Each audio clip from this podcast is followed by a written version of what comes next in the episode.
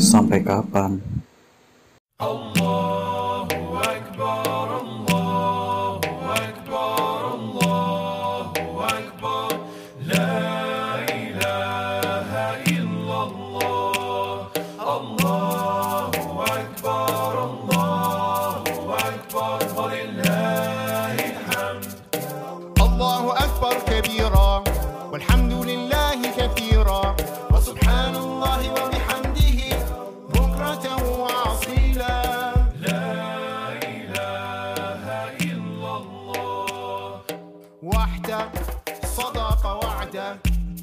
Oke, assalamualaikum warahmatullahi wabarakatuh. Hello Smart Flowers, welcome back to podcast Sampai Kapan. Di Sampai Kapan, nggak mau denger podcast cakep. Sip, kita udah masuk sesi terakhir di Haram. ya udah di penghujung Nah, Ramadan nih udah di kerasa penghujung banget ya Nggak terasa, udah. kerasa baru kemarin udah kelar aja nih Ramadan Ah, apalagi, apalagi kita Ramadan di rumah aja ya. Cuma ya karena kita saking menikmati Ramadan itu dengan tidur. aduh Ya, tidur habis sahur bangun-bangun eh udah mau buka. Alhamdulillah. dengan ibadah Oke, nah sekarang kita udah kesambung lagi sama Ustadz Asep lagi ya? ya Ustadz Asep lagi nih. yang minggu lalu tuh nemenin kita Nah minggu lalu sama Ustadz Asep, nah sekarang mau sama Asep lagi nih. Malah Iya. harusnya sih sama Ust- ada Ustadz Diki juga, Ustadz Diki lagi berhalangan, jadi Oh, oke. mungkin nanti ada satu sesi khusus buat inilah eh, testimoninya Ustadz Diki selama Hmm. ngisi bareng sama kita. Oke, langsung aja kita sambut kali ya. Iya. Oke, assalamualaikum Ustadz Asep. Assalamualaikum Waalaikumsalam warahmatullahi wabarakatuh. Gimana kabar Ustadz? Alhamdulillah baik. Alhamdulillah. Baik, Masih di ini ya, masih di Saudi ya? Masih di Saudi, masih di Madinah. Alhamdulillah. Oke. Sip. Ya. Ustaz, eh, oke, langsung aja kali ya. Ini Ya. ke- eh, kemarin Ya. kan Ustaz Boleh. bilang ada yang ini ada yang mau disampaikan tentang refleksi Ramadan. oh, iya nih Nah, kira-kira pas banget kan di pas banget ya pas lagi di penghujung. Nah, kita inilah kita butuh pencerahan tentang refleksi di bulan Ramadan ini dari Ustadz Asep. Sampai kapan? Ya. Bismillah, Bismillah, Alhamdulillah, wassalatu wassalamu ala rasulillah. Eh, kita bersyukur ya masih diberikan kepanjangan umur oleh Allah Subhanahu Wa Taala. Kita bisa berjumpa pada saat ini di penghujung bulan Ramadan. Mudah-mudahan Ramadan kali ini adalah merupakan titik eh, balik kita menjadi hamba-hamba Allah yang bertakwa. Selanjutnya insya Allah. amin Amin. amin. Eh, Ramadan kita tahu ya, Ramadan itu kan hikmahnya yang paling inti itu agar kita menjadi bertakwa. Nah sekarang tinggal kita lihat pada diri kita, apakah kita udah benar-benar menjadi hamba yang bertakwa? Hmm. Kita refleksikan sama diri kita, kita refleksikan dalam kehidupan kita. Eh, apakah kehidupan kita menjadi lebih baik? Apakah misalkan eh, yang dulu kita lebih sering ke- eh, lebih sering apa memikirkan duniawi, eh, kemudian setelah Ramadan ini apakah kita berubah? Hmm. Nah, gitu kan. Nah, ini adalah pertanyaan-pertanyaan yang harus kita jawab oleh diri kita masing-masing gitu. Eh, apakah kita sudah benar-benar berubah?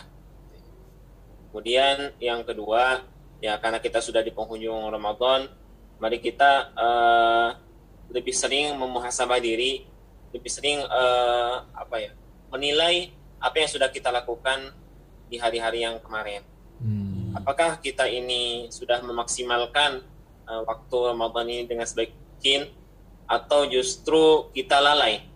Hmm. Tapi bagi siapa saja yang lalai tidak usah risau, tidak perlu uh, merasa sedih karena uh, Rasulullah SAW menyukai hamba-hambanya yang berubah.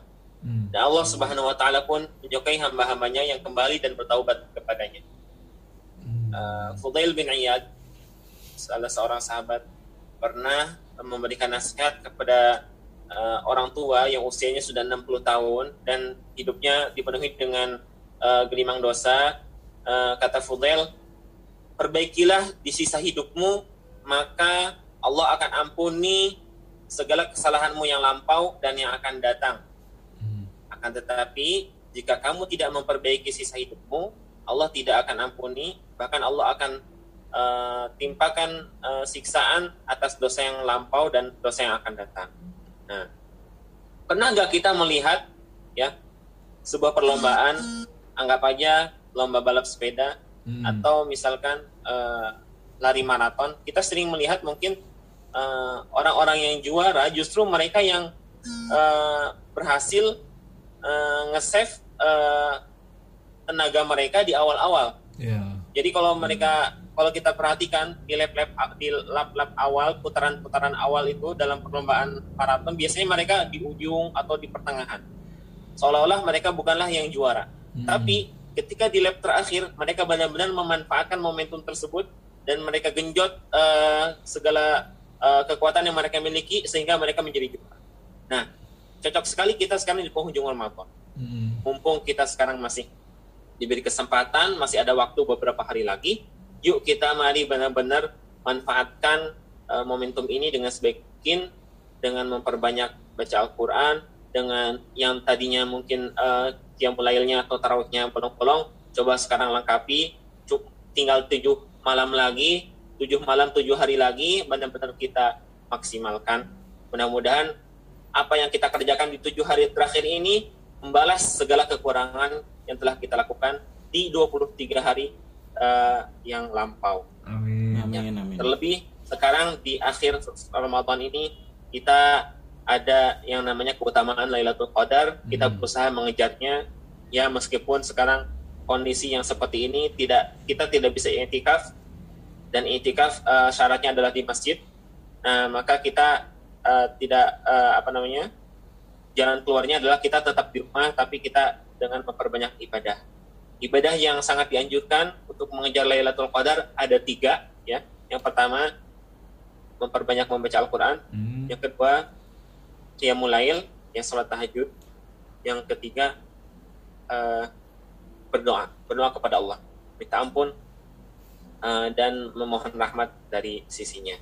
Dan di antara doa yang dianjurkan juga eh, mudah-mudahan eh, pendengar juga udah hafal atau yang belum hafal saya kasih tahu ya Hmm. Rasulullah mengajarkan sebuah doa yang dibacakan di malam Qadar. untuk eh, di malam Ramadan untuk menggapai Lailatul Qadar yaitu Allahumma innaka afuun tuhibbul afwa fa'fu anni.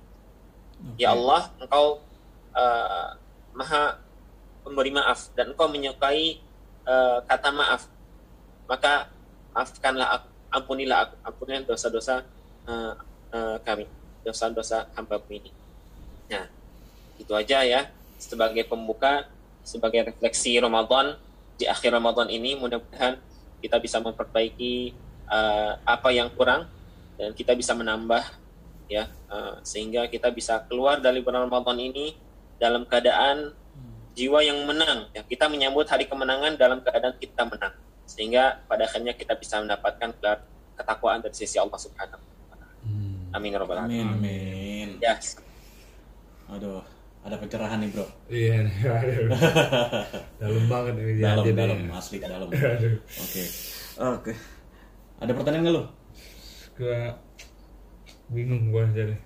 Gua bertanya ke diri gua sendiri dulu nih. Lu nanya di gua, Pak.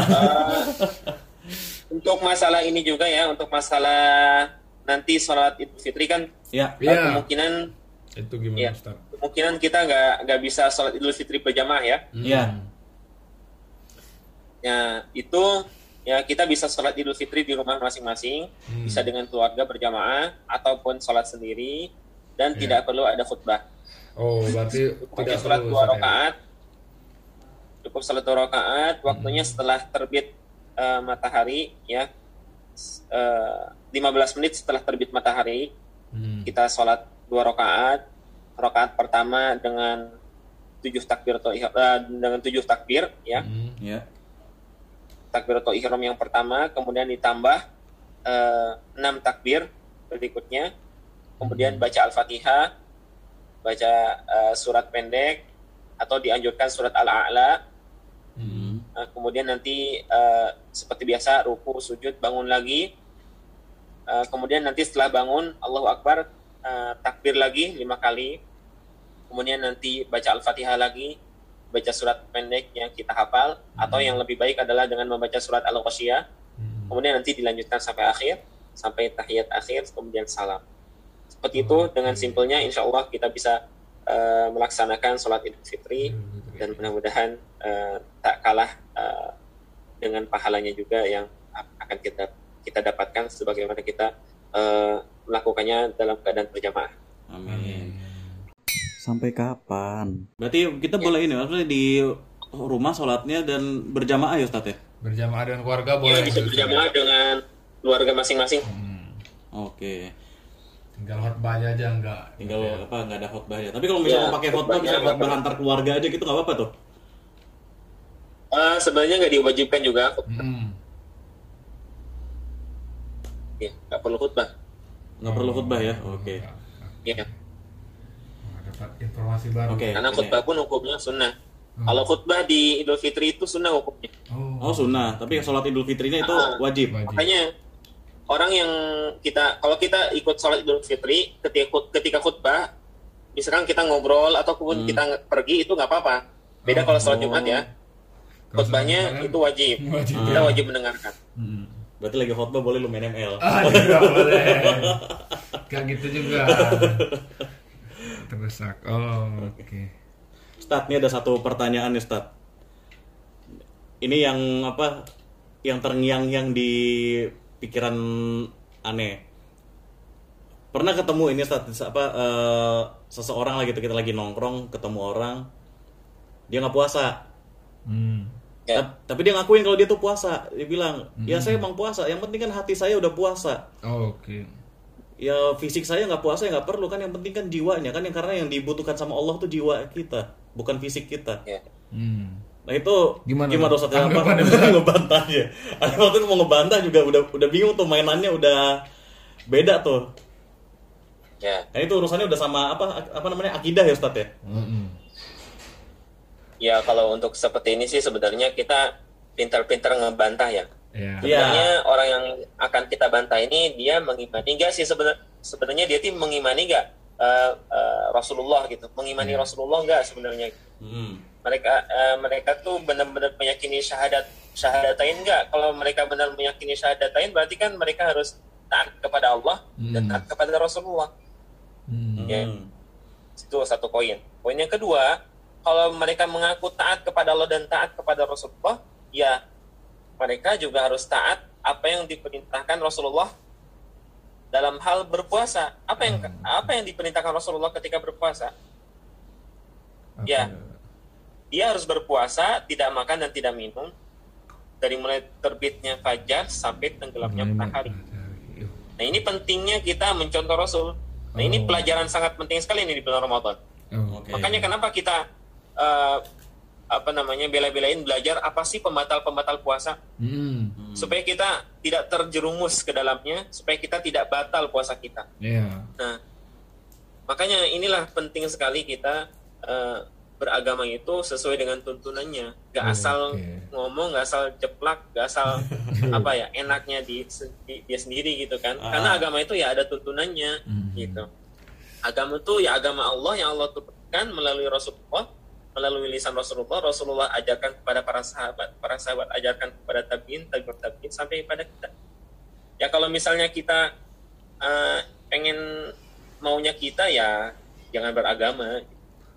Oh, Oke. Berarti se- me- tadi tuh ada poin penting tuh dari Ustaz tuh, meyakini dan mengikuti tuntunannya. Berarti Iya. ikutin aturannya gitu ya. Ya, ya kan kalau lu udah meyakini sesuatu, ya arti lu udah berkomitmen untuk ikutin Hmm. aturannya. Kayak contohnya gini, gue udah percaya sama lu ya, berarti gue udah ikutin aturan main lu ya. Hmm. Sama juga kayak gini, lu udah percaya sama Allah, percaya sama Nabi Muhammad ya berarti lu udah ikutin aturan Ya, mainnya.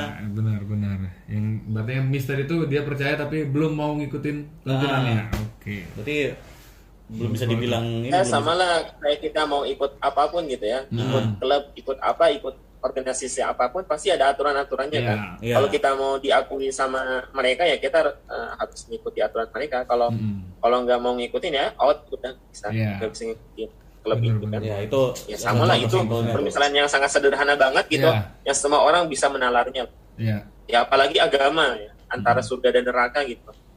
Masa sih kita gak mau eh, ngikutin aturannya gitu. Siap siap. Waduh. Waduh. Sip, ba- banyak poin penting nih. Oke. Gimana, Bro? udah tercerahkan. tercerahkan gue nih. Ada yang saya mau tanya nih Ustadz. Kan Idul Fitri itu kan identik dengan hari kemenangan nih. Ada nggak Ustadz istilahnya tanda-tanda atau ciri-ciri orang yang udah termasuk menang nih orang-orang yang seperti apa Ustadz? Yang bisa dikatakan oh dia menang kayak gitu. Ya. Orang menang itu kan berarti kita bisa menerjemahkannya dia menang eh, mendapatkan pahala dari Allah, dia menang mendapatkan ampunan, dia menang mendapatkan rahmat dari Allah Subhanahu wa taala. Hmm. Eh, kita bisa lihat eh, kalau untuk diri kita mungkin kita lebih tahu dengan diri kita masing-masing ya. Hmm. Ya, kita lihat kita lihat eh, di bulan Ramadan eh, belakang itu kita ngapain aja gitu Hmm.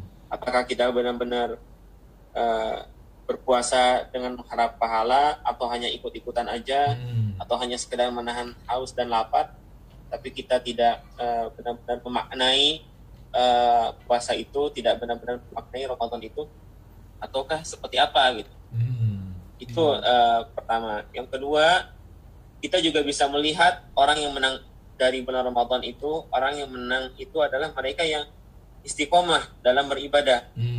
Karena di antara tanda ibadah kita diterima itu kita melakukan ibadah tersebut setelahnya. Oh. atau di antara tanda ibadah kita diterima kita akan mengamalkan ibadah yang lainnya dari jenis yang lainnya. Kalau kita amal ibadah kita misalkan amal ibadah bacaan Quran kita diterima di sisi Allah di bulan Ramadan maka insya Allah di luar bulan Ramadan kita akan membaca lagi di eh, Al-Quran tersebut. Beda kalau misalnya hanya ikut-ikutan aja. Hmm. ya di bulan Ramadan baca Quran di luar bulan Ramadan lupa kayak gitu. Hmm. Di bulan Ramadan eh, banyak zikir di luar bulan Ramadan jadi lupa lagi kayak gitu. Hmm. itu jadi kesannya ya cuma ikut ikut ikutan aja Oh. kayak gitu Kalau bukan kita mau ikut-ikutan kan ada juga yang apa ya dia memang pengennya karena bulan Ramadan ya udah nih jadi momen nih mumpung lagi bulan Ramadan Oh. jadi merasa itu adalah sebuah tuntutan itu gimana tuh Ustaz?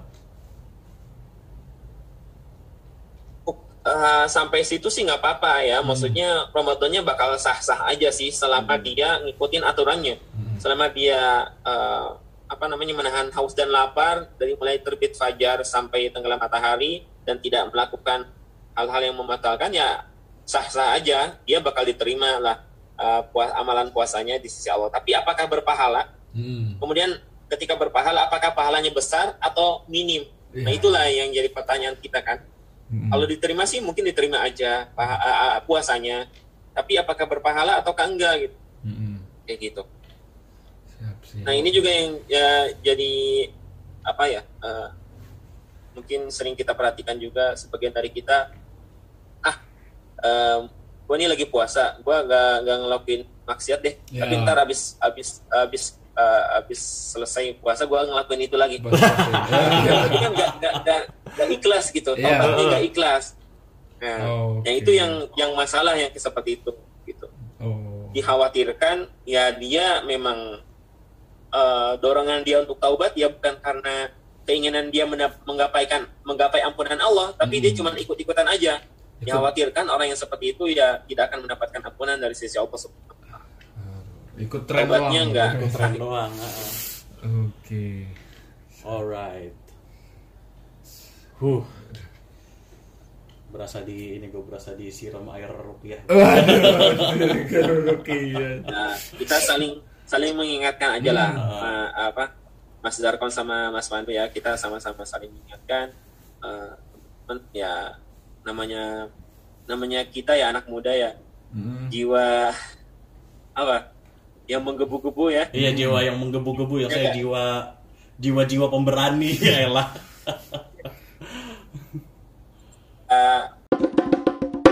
Sampai kapan? benar-benar latih ya kalau kita berhasil di masa muda ini insya Allah nanti di masa tua akan mudah Oh, Itu loh. Tapi kalau kita berfoya-foya di masa muda, dikhawatirkan di masa tua kita malah terus dalam keadaan seperti itu dan alhamdulillah kita diwafatkan oleh Allah dalam keadaan belum siap. Ya, Iya. Amin ya semoga masa muda memang masa yang emas, masa yang ingin tahu segala hal. Hmm. hmm, Tapi alangkah baiknya kalau misalkan masa emas itu kita benar-benar manfaatkan sebaik mungkin. Jangan sampai emas itu menjadi eh, menjadi besi yang berkarat. Tapi emas tetaplah menjadi emas yang ditempa sehingga menjadi emas yang sempurna. Amin. Ya. Wah, Amin. Wah gila quotes of the day. Oh Semoga jadi teman-teman smart flower bisa ngambil juga nih Ah. hikmah ini bener nih pas di akhir bener-bener hikmah Ramadannya nih. iya dan buat yang ngejalanin ya semoga ada hikmahnya dan tadi juga ada yang disampaikan sama Ustadznya yang mungkin kita masa-masa muda di masa-masa emas. Hmm. Ya lu jangan sampai emas ini jangan jangan di besi yang berkarat. Iya. Terus jadi emas. Kalau perlu jadi berlian, jadi intan. Iya, artinya biar mahal. kualitas diri kita tuh harusnya naik ya. Ah, kualitas Jangan dirinya makin naik. turun, gitu ya. Gitu. Baik sekali. Aduh.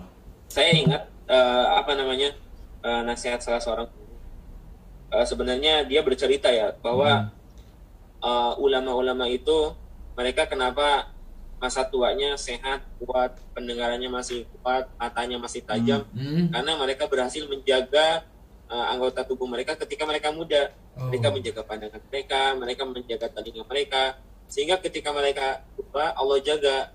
Oh. Bahkan ada yang di- dikisahkan eh, ulama yang usianya sudah tua tapi lompatannya masih jauh, masih tinggi. Itu ya karena jiwa raga mereka mereka jaga saat muda, maka Allah jaga saat mereka tua. Ingat ingat dengan hadis Rasulullah juga, "Ihfazillah yahfazka." Jagalah Allah, maka Allah akan menjaga. Ya kita harus sering-sering saling mengingatkan dalam hal ini ya. Tahulah, saya Ya. pribadi pun adalah eh, masih muda dan masih ya sering salah ya. Hmm. Tapi ya Ya, namanya juga anak kita ya. milenial, Ustaz. Waduh.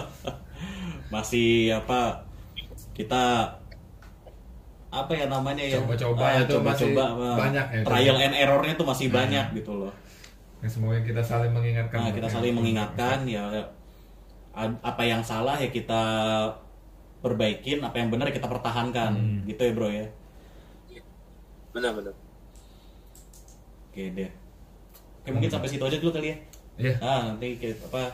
Kita harus mawas refleksi diri dulu Nah, nih. kita harus hari refleksi ini. dulu dulu. Udah sampai mana nih kita? Jadi mudah-mudahan ya teman-teman smart flowers yang lagi ngedengerin nih kita bisa dapat ininya dapat poin ya. pentingnya dapat hikmahnya di bulan Ramadan ini udah di penghujung nih. Ya tinggal hitungan hari lagi ya kita udah berpisah sama Ramadan masih di tengah-tengah corona nih. Iya. Eh, mudah-mudahan ya kita Mudah-mudahan setelah setelah Ramadan, Ramadan kan udah inilah udah berkurang. coronanya Nah, hilang karena kita semua menang gitu. Nah, kita semua menang melawan cobaan ini. Iya. Amin. siap. Oke Ustadz, jazakallah khair Ustadz atas waktunya. Apa jangan ini jangan kapok-kapok nih ya ngisi di tempat kita. Ya insya Allah lah. Selama ini adalah kebaikan, ya apa boleh buat ya. amin. Karena amin. ya namanya saling mengingatkan itu adalah kewajiban kita sebagai seorang muslim ya. Watawasau bil haq, watawasau bis sabr kan. Saling mewasiatkan, saling mengingatkan dalam kebaikan dan kesabaran. Siap. Amin. Oke, Oke, smart followers mungkin sampai situ aja. Eh, maafin Untuk- kita selama ini kalau kita ada salah ya, Ya. mohon dimaafkan. Mungkin ada candaannya. yang Ah, terlalu mungkin ada berlebihan. candaan yang terlalu berlebihan selama bulan puasa ini ya kita mohon maaf.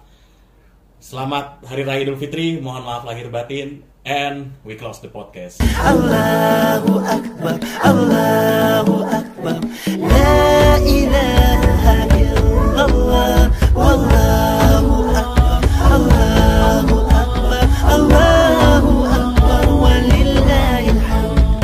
Eidun sa'idun, yawmun farhadun, yawmun jamilun, Eidun sa'id, Eidun sa'idun, yawmun jamilun.